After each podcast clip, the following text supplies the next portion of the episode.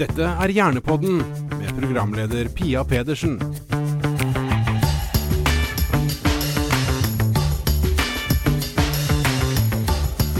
Da er vi i gang med en ny episode av Hjernepodden i forbindelse med Hjernehelsekonferansen 2020. Hvor vi fortsatt skal eh, se på eh, altså, Se fremover. Et fremtidsrettet syn på hjernen. Em, I dag så skal vi snakke først og fremst om samvirket mellom kognitive og følelsesmessige konsekvenser når hjernen rammes av skade eller sykdom. Og nok en gang har vi fått to flotte fagfolk eh, med oss. Eh, Jeanette Koht, du er overlege på nevrologisk avdeling ved Oslo universitetssykehus. Velkommen hit. Takk. Og Marianne Løvstad, fagsjef i psykologi og spesialist i klinisk nevropsykologi ved Sunnaas sykehus, og professor ved Psykologisk institutt eh, ved Universitetet i Oslo. Velkommen hit. Takk skal du ha. Altså, Jeanette, du er nevrolog, og Marianne, du er psykolog. Først så lurer jeg på, hva synes dere to er det aller mest spennende i fagfeltet dere jobber med? Oi, det var et stort spørsmål. ja, er det ikke gøy å begynne ja, det er det. der? Ja, det er, eh, ja, det er mye. Eh, selv driver jeg jo mye med eh, gener og enkeltgener, sånn at det skjer jo ekstremt mye der i vår forståelse av hjernen. Eh, og, eh, og de er jo eh, modellsykdommer for hvordan vi kan på en måte skjønne hvordan hjernen er satt sammen. Så det syns jo jeg er veldig spennende, da, sånn personlig. Mm. Eh, men sånn i fagfeltet ellers, så i nevrologi, så syns jeg dette at vi nå begynner å gå om bord på behandling.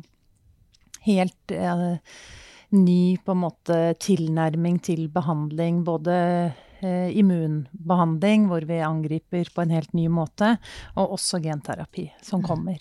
Ja. Så, Det skjer mye Ja, det skjer ekstremt mye. eh, og også at vi i enda større grad jobber flerfaglig og mm, tverrfaglig, da. Ja. Så ja, det er mye. Det var et langt svar, men jo, det, det er veldig bra. veldig bra. Men du føler deg litt sånn privilegert, du egentlig, som Ja. jobber innenfor dette feltet. Ja, ja, ja. Det er jo liksom vi jo. Og så er det, ja, det er vi. Og det er jo litt sånn eh, etter hvert også litt science fiction-fag, da. Ja, ikke sant? Fordi det skjer eh, veldig mye innenfor teknologi, hvor vi kommer til å implantere en del ting inn i hjernen. Hvor vi både får avlesninger, og vi kan stimulere områder som kanskje ligger litt nede. Og, ja, nei, det, Veldig spennende. Ja. Ja, Veldig jeg, altså, jeg var ferdig utdanna psykolog i 2000. Eh, og jeg har alltid sagt at det er jo de av oss som valgte å liksom befatte oss med hjernen Ja. akkurat i vår tid. Ja. Vi er jo så heldige at det er nesten ikke grenser, for det Ja. skjer så mye. Ja. Og faget utvikler seg hele tiden, og det er så mange retninger som er interessante, og det er så mye å lære. Mm. Eh, så jeg syns jo at det å være opptatt av hjernen akkurat i vår tid, det er jo et enormt privilegium. Og jeg synes jo også Jeg jobber jo på Sunnaas, og vi er jo opptatt av behandling og, og det å leve med skader over tid. Eh, og som nevropsykolog da, så føler jeg meg ekstremt heldig, fordi eh, vi vi driver med nevropsykologi i en klinisk kontekst. Det er liksom ikke nok å bare gjøre undersøkelsen sin. Du må prøve å oversette det du har gjort, sånn at det gir mening Mm. for de menneskene du er sammen med, og for et tverrfaglig team. Mm. Så det syns jeg også. Det er jo en tverrfaglighet i alt som har med hjerneforskning, hjernediagnostikk og hjernebehandling. Mm. Så er vi på en måte ikke nok aleine, noen av oss. Mm. Eh, og det er også syns jeg er veldig spennende. Veldig spennende. Ja. Men nevropsykologi, er ikke det et ganske nytt fag? Eller? Ja, altså det, eh, Det er kult, eller jeg vil inn på det neste spørsmålet også, fordi Ja. dette med psykiatri og nevrologi har tradisjonelt sett vært veldig atskilte fagfelt, men Mm. de merger mer og mer. ja, men vi startet jo sammen. Ja. Ja, nettopp. Ja. Få høre. Eh, Charcot var jo nevrolog, og han holdt jo på på 1800-tallet i Paris, på Salpetrier-sykehuset. Eh, og jobbet mye med det vi i dag kaller funksjonelle lidelser, eller psykosomatikk. Eh, kvinner som eh, hadde mye plager, og, også som følge av traumer. Og de eh, begynte jo å behandle eh, også eh, med hypnose og eh, Ja, de hadde jo ikke så mye å behandle med. Nei. Eh, ikke sant? Men, eh, men han var en veldig god eh, klinisk nevrolog. Som beskrev mange sykdommer. Og han hadde en elev da eh, som het Freud, eh, som tok dette et hakk videre. Mm. Eh, og, og der skilte fagene. Og Freud som stakk av og stakk av, og laget sitt stakk eget med på en måte psykiatrien og psykologien. eh, Ja. Og så ble nevrologene igjen i MS og Parkinson og Ja, men så nå, og så har det vært sånn da Ja. i 50-60-70 ja, år. Vi har vært langt unna hverandre. Langt unna hverandre, Mm. men nå er dere nærmere og nærmere og nærmere. Ja, ja, det er vi. Ja. Det er en Samtidig god som vi ting. har ulike mm, tradisjoner for behandling. Mm. Eh, der har vi jo ikke nærmet oss Vi savner jo på en måte immunbehandling for Mm. psykiske lidelser. Eller, altså man kunne jo tenkt seg at man kanskje fant noe eh, som man kunne ha et eh, større angrepspunkt da, for eh, Ja. psykiatriske lidelser. Annet enn eh, symptomdempende behandling. Ja. Sånn som for mm. multiple sklerose, da, eller MS, hvor man da demper betennelsen med immunmodulerende behandling. Mm. Noe sånt kunne man jo gjerne hatt også for psykiske lidelser. ja. Eh, Ja. I tillegg til det man har i dag. Mm. Eh, Men så er jo ikke nevropsykologi psykiatri. nei, nei, nei ikke sant? ikke, ikke Sånn at jeg, min erfaring er jo et veldig, veldig godt samarbeid med Ja. nevrologer. Ja. Nettopp fordi vi utfyller hverandre. Mm. Eh, og, Mm. Og nevropsykologer er jo opptatt av å prøve å forstå Vi pleier å si at vi befatter oss med forhold mellom hjernen og atferd. Altså vi prøver jo å forstå eh, hva er konsekvensene av en skade eller en sykdom da, som har med hjernen å gjøre. Og vi har noen metoder for å prøve å undersøke det på systematiske måter. Mm. Så har vi nok tradisjonelt vært best på det vi kaller kognitive vansker, altså hukommelse, konsentrasjon, språk, eh, disse kalde kognitive funksjonene. Men hjernen har selvfølgelig med følelser å gjøre òg, eh, og hjerneskader kan gi ganske store endringer i følelsesliv. Og det har vi vært eh, litt dårligere på å beskrive, og vi har Mm. hatt svakere metoder for å undersøke det på en systematisk måte. Der føler jeg også at det skjer fryktelig mye. mm. Vi har et bedre begrepsapparat, og vi begynner å få bedre metoder for å også kunne undersøke emosjonelle endringer etter hjerneskade på en Mm. mer systematisk måte. Og det er jo fryktelig viktig. Eh, For min erfaring er jo at etter en, eh, en eh, trafikkulykke hvor man får en hjerneskade f.eks., så kan vi jo ofte si noe om f.eks. konsentrasjon og hukommelse og hvordan den er påvirka av skaden. Mm. Hvis du spør pasientene hva som virkelig plager dem, så vil det ofte være mer over i det personlighetsmessige og følelsesmessige. Ja. At eh, relasjoner til andre mennesker kanskje ikke er sånn som de var. At Mm. de har blitt uh, alene. At nettverket har blitt tynnere. Uh, og det trenger vi også å forstå og kunne snakke om, og vi trenger å kunne forske på det. Mm. Mm. Mm. Mm. Jeg har lyst til å gå litt grann tilbake til gener. Mm. Jeanette Dittfeldt. Um, eh, for, sånn, forsker du mest på enkeltgener, eller på Ja. samspillet mellom Nei, gener? samspillet. Ikke samspillet. Enkeltgener. Ja, hvor det er én kodefeil. Du husker alle disse bokstavene i DNA, ikke sant? Mm. Sånn A, C, G, T Ja, ja. og så videre. Mm. Så det er én bokstav som er byttet ut Mm. med en annen, og så får man da en mutasjon eller en sykdomsgivende variant Mm. som gir en sykdom. Det blir en endret protein, og det gir en endret funksjon da, Ja. for den pasienten. Og, Og hvilke jo- sykdommer er det som er ja, engenssykdommer, det, det er jo godt over 6000 sykdommer, det da? da. Ja, kanskje ikke Ikke liste sant? om alle dem Eh, her. Men, Men veldig mange av de eh, gir jo nevrologiske plager eller plager med hjernen på et eller annet Mm. vis, da. Mm. Eh, eh, det fins jo unntak, selvfølgelig, men, eh, men veldig mye er, ko er kodet i hjernen. ja. Det jeg, Men eh, vi, jeg kan jo komme med noen eksempler da, som kanskje folk kjenner til. Sånn som Huntingtons sykdom, f.eks. Ja. Setedalsrykkja, som er velkjent i Norge. Som Mm. er en eh, sent debuterende eh, bevegelsesforstyrrelse med mye nevropsykiatriske plager. eh, Mm. Og demens, da. eh, Mm. Ofte eh, mot slutten. Mm. Eh, så eh, ja. Eh, Ja. Så det er jo mm, eh, mange, mange sykdommer som er enkeltgen, og følgingssykdom f.eks., som også er beskrevet eh, av en lege i Norge. Eh, og så har man jo mer lungesykdommer, sånn som eh, cystisk fibrose, Mm. som er en av de hyppigste arvelige sykdommene. Den rammer jo bare lungene, da. Men det, det er også en arvelig sykdom. Altså monogenetisk sykdom er enkeltgen som er, Ja. er Men er, er det sånn, nå stiller jeg kanskje et dumt spørsmål, men er det, jeg tenker liksom at ok, hvis det bare er ett gen, så må det være greit å fikse. Ja, men det tenker man jo også. Og det er jo eh, Etter hvert så er det jo faktisk kanskje det, da, med Ja, ny teknologi. Ja. Hvor du kan gå inn og redigere genet. Mm. Eh, Det som er vanskelig med hjernesykdommer, er jo at tilgangen til hjernen er ikke så lett, da. For Nei. den er beskyttet Godt av blod. På. Ja, den er Mm. veldig godt eh, Mm. beskyttet av Mm. bak en sånn blod-hjernebarriere. Mm. Eh, Så, så det er ikke så lett å gi medikamenter til hjernen. Eh, Så Nei, nettopp. men, men man har begynt, og det kommer. eh, Så genredigering er på vei. Genredigering, det er Ja. ganske heftig. Ja. Science fiction, du var inne på det i Ja, sted. ja da. Mm. Men du, eh, eh, du sa også i sted på webinaret at man kan også altså, At eh, det kan være ett gen som har skyld i kriminalitet og aggressivitet. Ja, det er jo en veldig sjelden tilstand, da. Eh, det ble funnet på 90-tallet. Ja, men det, å skylde på det, liksom? ja, ja. Mm. Eh, men den, den ble beskrevet av en eh, nederlender eh, på 90-tallet, hvor man fant at det var familier som hadde opphopning av ekstreme atferd. Mm. Eh, og, og så fant man at de hadde en enzymdefekt.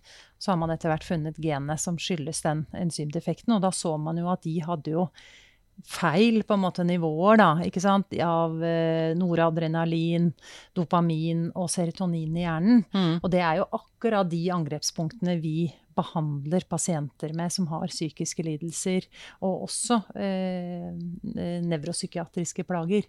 Mm. Ikke sant? Og man vet jo det at parkinson for eksempel, eh, Parkinsons sykdom er jo en eh, tilstand som vi behandler med dopaminprodukter, Mm, eller mm. levodopa som vi kaller det. Mm. Eh, og hvis man får for mye av det, så kan jo de få hallusinasjoner og plager. Eh, ja, så det, det Mm. kjenner sikkert dere til også. Eh, dette med bivirkninger, og vi behandler jo med serotonin-reopptakshemmere på, ved depresjon og angst. Sånn at man kjenner jo til alle disse aksene fra før. Så det som er litt artig, da, eller hva skal jeg si, eller interessant med disse lidelsene, er at de er jo fantastiske modellsykdommer, sånn at vi forstår hva egentlig som skjer inni hjernen. Det blir sånne Mm. ekstreme varianter. Eh, og det er jo ikke mange pasienter som er beskrevet med dette, men det viser bare hvor viktig sånne sykdommer kan være for at vi forstår hva som faktisk foregår Hva som skjer i toppen her. Mm. Kan jeg spørre deg, eller dere begge, hvor stor prosentandel av hjernen vil dere si at vi forstår i dag? Ja, Det er ganske lite, ja, er det ikke det? lite, tror Jeg Det mener, kommer jeg plutselig på at jeg har hørt en gang, at det er helt sånn mikroskopisk, uh, egentlig? Ja, eller er 10 vi- eller 5 prosent, eller 5 ja, ja, nei, jeg, jeg, jeg tror ikke jeg skal komme opp med noen prosent, men, men vi nevrologer er jo ofte ganske sånn grove i forhold til det å beskrive utfall, da, eller, eller plager, ikke sant. Og vi, vi samarbeider jo veldig tett med nevrokirurgene. Mm. Der kan man jo gjøre funksjonelle undersøkelser på forhånd, hvor man da eh, får sett på det man kaller liksom veldig viktige områder, eller elokvente områder. Eh, og da er det språk og motorikk, liksom syn eh, eh, og hukommelse, som på en måte ofte Mm, er de. Og, og så er det veldig mange tomme områder. mm, ja. Eh, som man kan gjøre mye med uten at vi liksom helt vet hva ja, er, som skjer. det er hjernemassen Men de som bare virker ja, som ja, som de er ikke har noen tomme. funksjon. Nei, vi er, de, de er jo ikke det. Dere vet men- ikke hva som er der ennå? Nei, vi vet ikke det. Det er nesten sånn universet, dette. ja, det er det. Så eh, Nei, vi det Men hvis du går tilbake til 50-tallet, Mm. mm. eh, så delte man jo ut nobelprisen i medisin eh, for lobotomi. Og det var jo fordi man trodde at det faktisk de eh, eh, at det faktisk hjalp eh, mennesker man ikke hadde noe behandlingsform for. Men det var jo nettopp fordi man trodde at frontallappen, altså den fremre delen av hjernen, hadde ingen funksjon. Mm. Fordi man visste godt at der kunne du få veldig store skader, mm. eh, og, og uten at det påvirket intelligens. Eh, og uten at det ga motoriske vansker eller lammelser. Mm, det Så tenkte jeg bare at det var ikke så farlig. Mm. Og da snakker vi om en tredjedel av hjernen. Vi går 70 år tilbake i tid, og man trodde at en tredjedel av, liksom cortex var Mm. helt uten betydning. Mm, mm. I dag vet vi jo at frontallappen er jo kanskje den viktigste av alt.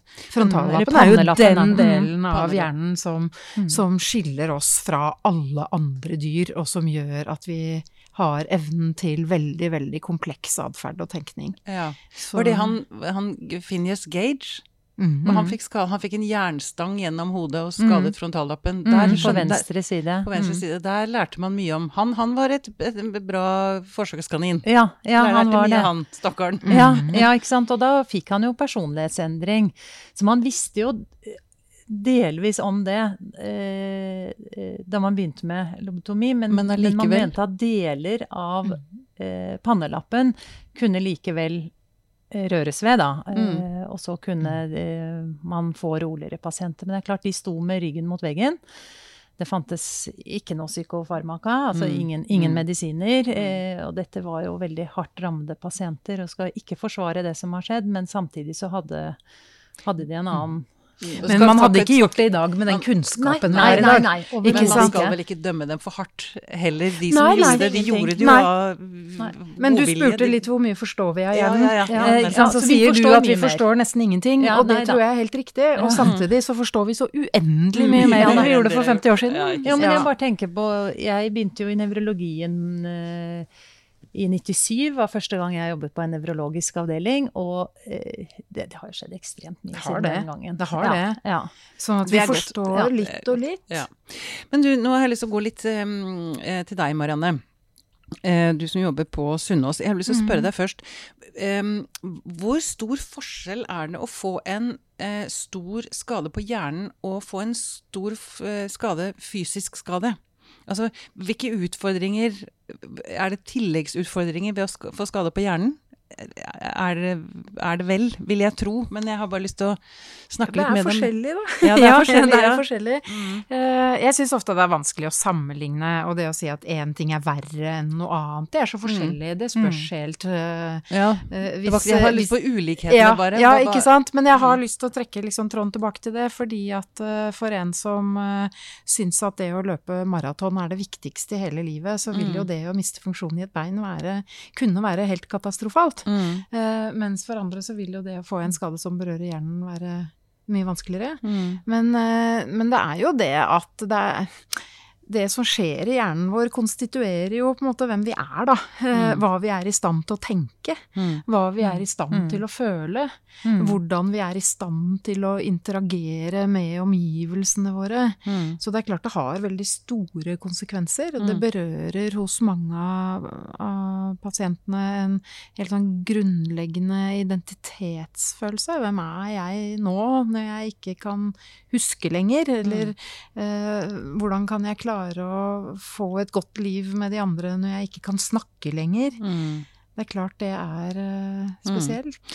Hva er, når man kommer inn med en, en eh, hjerneskade til dere og skal rehabiliteres, um, si, hva, hva er det første dere gjør da? Altså, dere kartlegger, eller det er kanskje allerede gjort det? Nå, nå Nei, altså øh, på Sunnaas sykehus så det er, jo mange, det er jo mange slags hjerneskader, Mm. ikke sant? Så det er jo ikke én ting. mm. Det kan jo være nevrologiske sykdommer som også gir skade eller forstyrrelser i hjernen. Mm. Men øh, to av de store gruppene som kommer til Sunnaas, da, det er pasienter som har fått hjerneslag. Ja. Eh, og det er personer som har fått det som kalles en traumatisk hjerneskade, altså hvor det er ytre krefter i form av at de har vært i trafikkulykker, eller de har falt, eller Mm. Eh, og, og de som har traumatisk hjerneskade, kommer til oss veldig kort tid etter skaden sin. Det har ofte ikke gått mer enn tre-fire uker, og de kommer til oss for rehabilitering så fort de er av respirator Mm. og er vurdert som så stabile at de kan flyttes fra Ullevål til Sunnaas, eh, Mm. som er på Nesodden. Mm. Eh, Så da vil det, og det er en fase hvor pasientene kanskje ikke har vært ute av koma så veldig lenge. Eh, De kan være veldig forvirra, eh, desorientert, eh, urolig. Eh, Og da handler det mye om å forstå at dette er en fase eh, Ja. eh, hvor vi tar vare på og prøver å støtte opp under bedringsprosesser Mm. eh, og bruke minst mulig medisiner. For de aller fleste medisiner som vil dempe uro, er ikke så bra for hjernen i en oppvåkningsfase. Og så vil vi jo etter hvert prøve å forstå, fordi at det er ikke én hjerneskade som er lik. Det er helt avhengig av hva slags skade det var, hvor alvorlig skaden var, hvor i hjernen den er, har jo veldig veldig, veldig mye å si for hvilke Ja. symptomer man får. Okay. Så der vil vi jo tverrfaglig prøve å forstå det. Eh, prøve å forstå hva er symptomene, hva er plagene Mm. for akkurat denne personen. Mm. Og i den prosessen så knytter vi jo pårørende og familien veldig, veldig tett Ja. opp til oss. ja. For de skal leve med å forstå dette over veldig lang tid. Mm. Og- Ja. Ja, jeg har lyst til å si noe, for vi var jo litt inne på det med hva gjør det med en person å få en, en skade, kanskje bare i en arm eller i hjernen. Og, og da tenker jeg at veldig mange opplever det å bli rammet av skjulte utfall. Eh, og det- Å bli rammet av skjulte utfall? Ja, altså eh, Hvis du er lam med en arm, så ser alle det. Ja. Men hvis du har plager med å, å forstå eh, og oppfatte altså rom, retning, helt andre, eh, mer abstrakte ting, da, eh, så, eh, så er det ingen som ser det. Eh, og det Mm. kan kanskje skape større problemer enn det å ha Det en lammelse. Mm. Eh, for da tar omgivelsene hensyn. Mens det å ha eh, kognitive utfall, da eh, Mm. Eh, Nettopp. Utfordringer Det eh, med Man snakker jo ofte da. om usynlige Ja. handikap. Ja, Ja. Og det, det er, opplever mange pasienter som krevende. ja. Og jeg er enig i det. Mm. Og samtidig Ja. så syns jeg det er fint å kunne trekke fram at det er ikke bare Nei. kognitive vansker Nei. som er usynlige. Nei. Vi må kunne regne med at hvis vi går ut på Karl Johan rett her nede, så vil eh, en god andel av de menneskene som går forbi oss, ha psykiske plager. Ja. Og vi kan ikke se Nei. på noen at de har angst. Nei. Eller en person med ryggmargskade eh, vil kunne ha store problemer med å, å håndtere urin og avføring og ha andre vansker Ja. av skaden sin Ja. enn den lammelsen og den rullestolen som alle ser. Mm. Så det er ikke unikt for de med kognitive vansker å ha usynlig handikap. Men det er helt riktig at det, Ja. det oppleves som veldig krevende for mange Mm. at det som plager dem mest, er noe andre ikke kan se. Mm. Og som kanskje mange ikke forstår. For hvis Mm. ikke du har vært sammen med noen før som har kognitive plager, så vet du ikke ordentlig hva det er, Mm. og du vet ikke ordentlig hvordan det slår ut, Mm. eller hvorfor det er vanskelig. Mm. Så det er jo også en stor del av rehabiliteringen, er jo å snakke med pasientene om hvordan skal du snakke med andre om det som plager deg. For det er slitsomt at de andre Mm. ikke forstår, men det er egentlig ingen annen måte å komme dit på heller enn å prøve å forklare det. Mm. Og, og, etablere et slags språk for Mm. hvordan kan jeg fortelle mine omgivelser hvordan jeg fungerer nå, og hva de skal ta hensyn til. Eh, og da må man nesten forstå det selv, før man kan begynne å fortelle det fortelle til andre. andre. Ja. Absolutt. Ja. Og så tenker jeg, når man, når man hører rehabilitering på Sunnaas, så tenker jeg fort at ja, det handler om å trene opp funksjonen i hånda eller i et bein eller mm. Ikke sant. Men mye av det dere gjør, er også eh, følelsesmessig rehabilitering. ja, det vil jeg si. Altså, alle mennesker har jo et følelsesliv, i tillegg til Mm. Og det må jo være et kjempesjokk. Altså, livet blir jo helt endret. Plutselig. Kanskje. Kan bli. For noen. For noen, ja, ikke sant. For noen uh, gjør det det, og for andre gjør det ikke det helt. Mm. Og det har Folket er veldig forskjellige, og skadene er forskjellige, og sykdommene er forskjellige. Mm. Men vi har jo f.eks. en helt egen avdeling på Sunnaas som heter Enhet for kognitiv rehabilitering, hvor det er det vi driver med. Ja. Der, der er det folk som klarer seg fysisk uh, i det daglige, men Mm. som lever med varige kognitive følgevirkninger av, av mange forskjellige skader som har med hjernen å gjøre. Mm. Og da handler det mye om å forstå, Mm. å få et språk, og, og lære seg gode strategier for å hanskes med de kognitive vanskene. Da. For det er klart Mm. det er mange ting man kan gjøre. Eh, Det er ikke sikkert man kan trene opp igjen den delen av hjernen som, som er skadd og som har med hukommelse å gjøre, men man kan lære seg strategier for å fungere bedre i dagliglivet. Mm. Og det er jo det rehabilitering handler om. Det Mm. er dagligliv. eh, Å finne gode Da snakker vi om å kompensere. Eh, Og det, det jobber vi jo veldig mye med. Mm. Eh, For det er med å finne eh, ny mening eller ny retning, Mm. som er en stor del av Mm. det dere bidrar med. Ja, og det er, jeg er veldig opptatt av det, at det er mulig å leve veldig rike, meningsfylte, gode liv med omfattende kognitiv svikt. Ja. Det er fullt mulig, og det er det veldig mange som gjør. Det er, veldig, Mm. er det veldig mye håp i. Ja. Det er veldig godt å høre. Hva, hva er det som avgjør hvordan det går med et menneske etter en, å ha fått en Mm. hjerneskade? Det er mange ting. Ja. Ja. For det er ikke bare nødvendigvis alvorlighetsgraden Nei. som uh, Det vet vi mye om etter hvert. Ikke Mm. bare når det gjelder hjernen, men uh, alle typer skader egentlig som vi har med å gjøre. Så finner vi om igjen og om igjen at uh, hvis man lurer på hvordan det går psykisk og emosjonelt med folk eh, over tid, mm. så er eh, svaret på det ikke medisinsk. Nei. Eh, Jeg pleier å si litt sånn flåsete at svaret på hvordan det går over tid, står ikke i medisinsk journal. Du må spørre folk. Hvordan så livet ditt ut? Eh, Hva hadde du av bekymringer før du ble syk? Mm. Hva er dine styrker? Mm. Det spør vi ofte om. Mm. Når livet har vært vanskelig før, hva er det du har gjort da som hjelp? Ja. Ikke sant? Og finne ut av hva folk har med seg av ressurser. Mm. Ehm, folk er forskjellige. Vi er født litt forskjellige. Mm. Noen er mer sårbare for eh, ulykker og katastrofer og, og reagerer sterkere emosjonelt, mens andre eh, Og mister motet, kanskje. Ja, Mm, ikke sant. mm. Og andre har en type sånn robusthet eh, i seg eh, fra start av.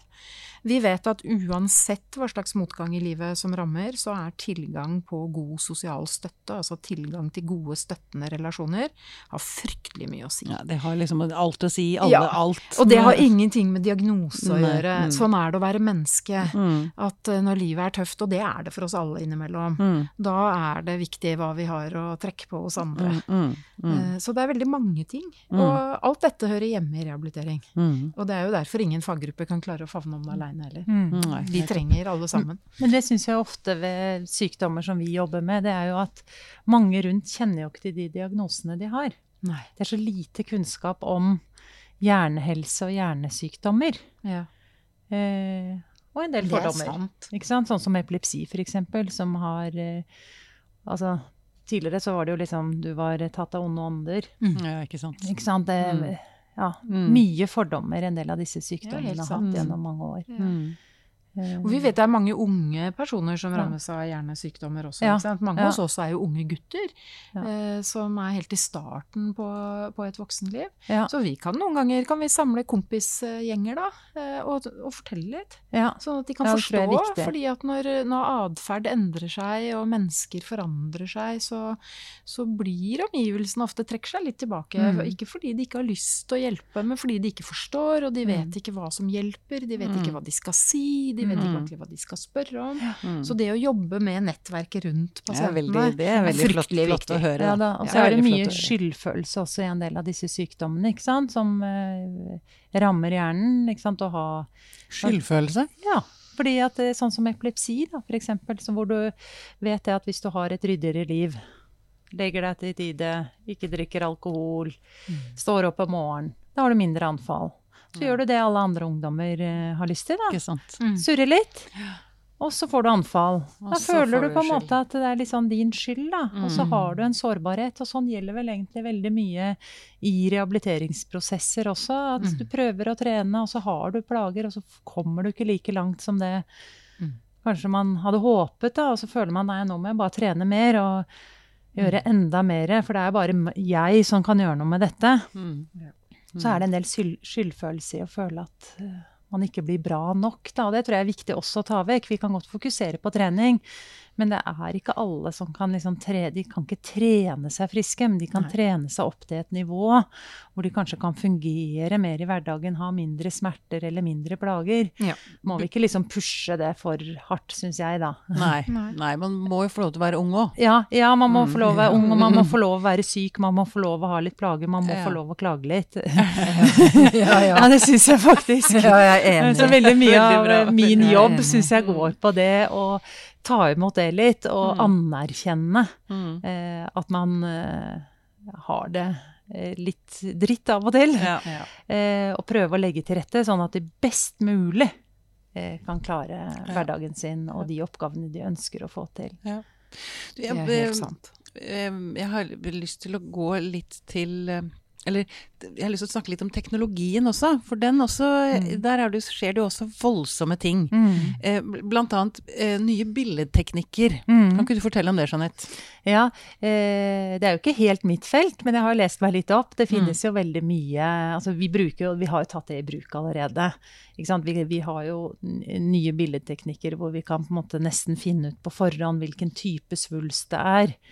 Eh, ikke sant? Ved å se på mm, eh, eh, hvilken type kjemiske stoffer Mm. eh, eh, dette vevet inneholder, hvor stivt og elastisk det er. Mm. Eh, man kan se på baner, og etter hvert så vil jo alle disse kunne bygges inn i én modell. Mm. Eh, og så kan vi si mye, mye mer om hva som egentlig foregår i hjernen. Mm. Eh, så her er det jo veldig mye som skjer, og det er jo ikke alltid at det er eh, vi da som jobber i klinikken som er med på å utvikle det.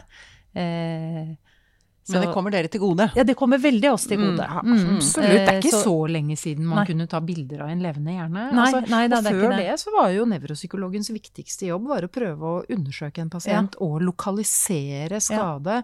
Altså prøve basert på nevropsykologiske tester, Ja. og si noe om hvor er det mest sannsynlig at denne tumoren f.eks. Ja, sitter. ja. Men da hadde Mens man i dag trenger vi jo ikke det. Vi tar jo bare et bilde, så ser ja, vi jo det. Ja da, ja da. Mm. Men, men all nevrologi er ikke strukturelt, altså. Det er ikke nei. alltid altså, ett sted, ett symptom. Eh, ikke sant? Det kan være nettverk som er ødelagt. Det er ikke alltid vi ser ting på bilder, da. Nei. Nei. Eh, Vi, kan vi, være- kan, vi kan ikke se hele mennesket på et bilde. Nei, nei, vi kan ikke det. Det kan være på mikronivå, ikke sant. Mm, Så, mm. eh, men, men likevel så eh, har jo disse hjulpet oss veldig da, til forståelse. Vi skal bare Mm. tilbake til 70-tallet, hvor vi hadde luftencefalogrammer, hvor pasientene fikk pumpet inn eh, luft inn i, inn i hjernen. Eh, Pumpet luft inn ja, i hjernen, Ja, inn, inn via et stikk i ryggen. Og så ble de da eh, snurret rundt. Eh, i, Nå sitter jeg og gjør grimase her. ja, det var veldig, vondt. skummelt. Og når du snakker med noen av de pasientene som var gjennom de undersøkelsene, og så basert på de, hvordan luften spredde seg, da, så fikk man Mm. tatt et røntgenbilde og kunne se da etter store svulster, f.eks. Okay. Og det var 70-tallet. Og så etter hvert på 80-tallet kom jo CT og 90-tallet MR. Eh, og vi var jo veldig gjerrige med MR. Altså, vi brukte jo nesten ikke det da jeg startet i nevrologien. Det var jo Mm. de færreste, og nå er det nesten så Altså, fins nesten ikke en pasient som har vært innom nevrologisk avdeling uten å ha tatt MR, da, for å sette det på spissen. Mm. Jeg vil bare spørre dere, eller deg også, om Elon Musk. Mm. Han også driver med noen heftig Litt mer science fiction her. Hva er det ja. han driver og hva er det han vil? Ja, han, han ønsker jo å på en måte lese av hjerneaktivitet, da. Mm. Eh, ved å sette inn tynne, tynne mm, tråder inn i enkeltnevroner, eller altså hjerneceller, og lese av aktivitet. Mm. For å oppnå hva Nei, for da? å større forståelse, da, og kunne behandle og Mm. Ja. Han, Han eh, blander seg borti mye, han Ja, der, altså. ja da, han er gjør både det. ute i rommet og inn i hjernen og overalt. Kunstig intelligens, da, og kunne styre oss kanskje i større grad også. Mm. Ah, Ja. Det er jo mange, Man tenker jo gjerne at eh, hjernen er den mest komplekse datamaskinen. Mm. Så- Mm. ja, ikke Så hvis man forstår hvordan hjernen eh, fungerer, så har Mm. man jo grunnlag for veldig mye spennende teknologi også. Ikke sant? En veldig god kamerat av meg sa en gang at hvis hjernen var så enkel at vi kunne forstå den, så hadde vi vært for dumme til å forstå den. Ja. ja, ja, ikke sant. Så det, vi, vi er- kommer kanskje aldri i mål. Det Nei. tror jeg ikke. Nei, det er ganske fint kan- at vi har noen mysterier, da. Ja, Igjen. ja da, det har vi. Ja. Mm. Hva, hva slags ønsker har dere for fremtiden, for eh, deres egne felt, og, og ikke minst samspillet mellom eh, fagene dere begge står i? Altså, jeg har jo et stort ønske om større behandlingsmuligheter innenfor eget felt. Det har jo skjedd mye i nevrologi, eh, men i enda større grad drive målrettet behandling, da. Ja. Eh, for flere tilstander. Eh, Og målrettet behandling, da mener du å kunne gå inn og altså for eksempel Ja, redigere. Ja, Mm, redigere, redigere små gener. feil. Mm. Eh, kunne, eh, sånn som mange ønsker, da, kunne mm, Ved skader så kan man kanskje overprøve hjernen også ved å sende signaler via datakraft, da. Mm. Eh, si at det er en, et område i hjernen som er skadet, så funker jo banene. Så man kunne kanskje sendt signaler hele veien, egentlig. Eh, via da en chip, eller via et eller annet Mm. annet. Mm. Men, men eh, sånn at man finner flere erstatningsmåter for skader. Mm. Eh, men det er jo som sagt også inn i liksom, eh, fremtiden. Men eh, det er jo ikke Altså, man er jo i utprøvningsstadier. Eh, Mm. Men det er, det er det du drømmer om? Jeg drømmer om mye mer behandling, ja. Mm. Mm. Mm, og Mm. målrette. For det, det er jo pasientene om å innrømme det, som får behandling, men de har mye bivirkninger av Ja, behandling. ikke sant. Eh, Ikke sant. ikke sant? Og sånn som epilepsi, da. Mm. Som, eh, hvor vi behandler med epilepsimedisiner. Eh, anfallsforebyggende behandling. Eh, vi vet jo nesten ikke hva vi driver med. På en måte. Vi vet litt hvordan de virker. Mm. Eh, men det er jo lite målrettet, for det er ikke alltid at vi vet årsaken til epilepsien. Og så behandler vi på en måte alle med nesten de samme medisinene. Mm. Så hvis vi kunne designet i større Design grad, da. Ja, ikke Mm. sant. Ikke Ja, og så kurert, da. Ikke sant. Fått det vekk. Mm. Parkinson også. Ja. Stoppe. Demens, eh, ja, Alzheimer Ja, ja. stoppe Mm. prosessen som har startet å rulle. Mm. Det Ja. hadde vært Ja. vidunderlig. Ja, Ja, det hadde det. For mange, mange år siden så var det en offentlig utredning, jeg tror det var en stortingsmelding, som het 'Et reddet liv skal også leves'. Og det vil jeg si er mitt uh, håp, da. Vi har fått en akuttmedisin som klarer å redde mennesker fra al veldig, veldig alvorlige skader som man tidligere ikke ville overlevd.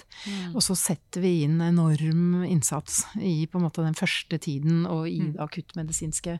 Og så vet vi jo at mange av de overlever til langvarige Altså de skal leve mange, mange år med kroniske følgevirkninger av de skadene. Mm. Så jeg skulle ønske at vi satsa like mye på rehabilitering som vi Mm. gjorde på å redde i den første tiden. Du, For det er spørre behov for det. ja, er det, Kan det henge sammen med prestisje? At det er akuttfasen som, hvor det er mest prestisje? Og- Jeg, Jeg tror det handler om mange ting, men det er klart det gjelder Det nytter jo heller ikke å ha masse midler til rehabilitering hvis man ikke redder folk når ulykken først er ute, så man må jo gjøre begge deler. Ja. Mm. Eh, Så jeg har ikke lyst til å sette liksom ulike fag opp mot hverandre, men, men jeg tenker at det er et samfunnsforpliktelse eh, når man har bidratt til at noen har overlevd store skader, at, de også, at vi også legger til rette for gode liv etterpå. Mm.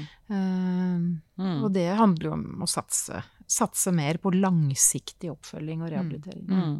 Mm. Men du har jo litt rett i det, at vi har liksom vi har jo veldig ønske om å ta i bruk nye teknikker og nye fancy modeller. Mm. Eh, og så glemmer vi litt vårt gamle håndverk. Eh, og, og at alle på en måte skal ha rett til helt vanlige ting, da. Mm. Ikke sant? Og, og hjelpe til sånn at de kan bo godt, eh, få de hjelpemidlene de trenger. For vi har ganske mye å gå på der fortsatt, eh, Mm. på det vi vet. Så hvis vi bare hadde fått løftet den, det litt opp også, så tror jeg det hadde gjort veldig mye for livskvaliteten til mange Ja. Mm. pasienter som er eh, kronisk eh, rammet av, plager. Mm. Ja, og det gjelder det, jo veldig mange Ja, det. pasienter. Altså innen det. hjernehelsefeltet så er jo veldig mange av de eh, kronikere Ja, i den ja, forstand det er at de lever lenge med plagene sine. Mm. Uh, og det er jo også sånn som jeg, Rehabilitering handler om hverdagsliv, det handler om Mm. livskvalitet, det handler om funksjon. Mm. Uh, og da må man tenke langsiktig. Mm. Ja, kommer vel liksom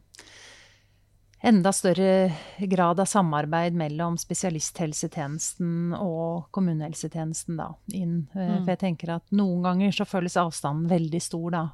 Ja. Og vi liksom bare går enda mer inn i disse sære tingene våre i forskning og Mm. eh, har lyst til å ta i bruk mer og mer teknologi, og så overfører vi ikke den kunnskapen tilbake til eh, der hvor pasientene lever livene sine. Mm. Mm. Ja, det handler jo også om politikk. Ja, Det handler ja. om finansieringsordninger. Ja. Det handler om hvor pengene kanaliseres i helsevesenet. Sånn at eh, vi ville f.eks. hatt et ønske om å jobbe mye mer tverrfaglig ambulant Ja. hjemme hos folk. Det er ikke alltid meningsfylt å legge folk inn på sykehus. Nei. Det kan hende vi kunne fått til mer Mm. hvis vi kunne jobbe sammen med, første, altså, Ja. f- sammen med kommunehelsetjenesten. Og der hjemme, der hvor folk lever livene sine, der de prøver å få Mm. det til. Mm. Men da kreves det finansieringsordninger som gjør at det er mulig å få til. Vi trenger mer penger. Jo, men vi må også ta i bruk de ressursene vi har, da. Ikke sant? Med, eh, med eh, opplæring av pasienten, så at de vet hva de også selv kan gjøre for å leve livene sine godt. Mm. Eh, pårørende er jo en kjemperessurs. Mm. Eh, og så skal ikke de slites ut. Mm. Eh, samtidig som de ønsker å bidra. Så de kanskje må få litt hjelp til å vite hvordan de kan bidra. Så ja. Mm. Veldig bra. Og det er ikke noe teknologisk hokus pokus. Nei, det er ikke det. Det Det er er, ikke eh, dette er uh, fornuftig liksom, Ja. behandling, Ja, det er det. Ja, det er vi mennesker som tar vare på hverandre. Ja, Ja, det er det. Ja, rett og slett. men noen ganger når det er hjernen som er berørt, så kreves det nok at, eh, at de som kan mye om det, eh, bidrar. Ja. For det kreves en viss spisskompetanse. Og, og tenk på kommunene i Norge, de skal ta imot absolutt alle de. Ja, Mm. Eh, Så noen må liksom ta ansvaret for, for opplæring både av pasienter og de som skal stå i det hver dag. Men da, da må vi ha ordninger som gjør at det kan gå. Ja. Det Vi regner med at det går riktig vei der òg. Ja. Mm. Jeg tror vi tenker mye riktig. Ja. Mm. Det, det høres sånn ut for Mm. meg. Mm. Jeanette Koht og Marianne Løvstad, tusen takk for at dere kom, og lykke til med videre arbeid. Takk skal du ha.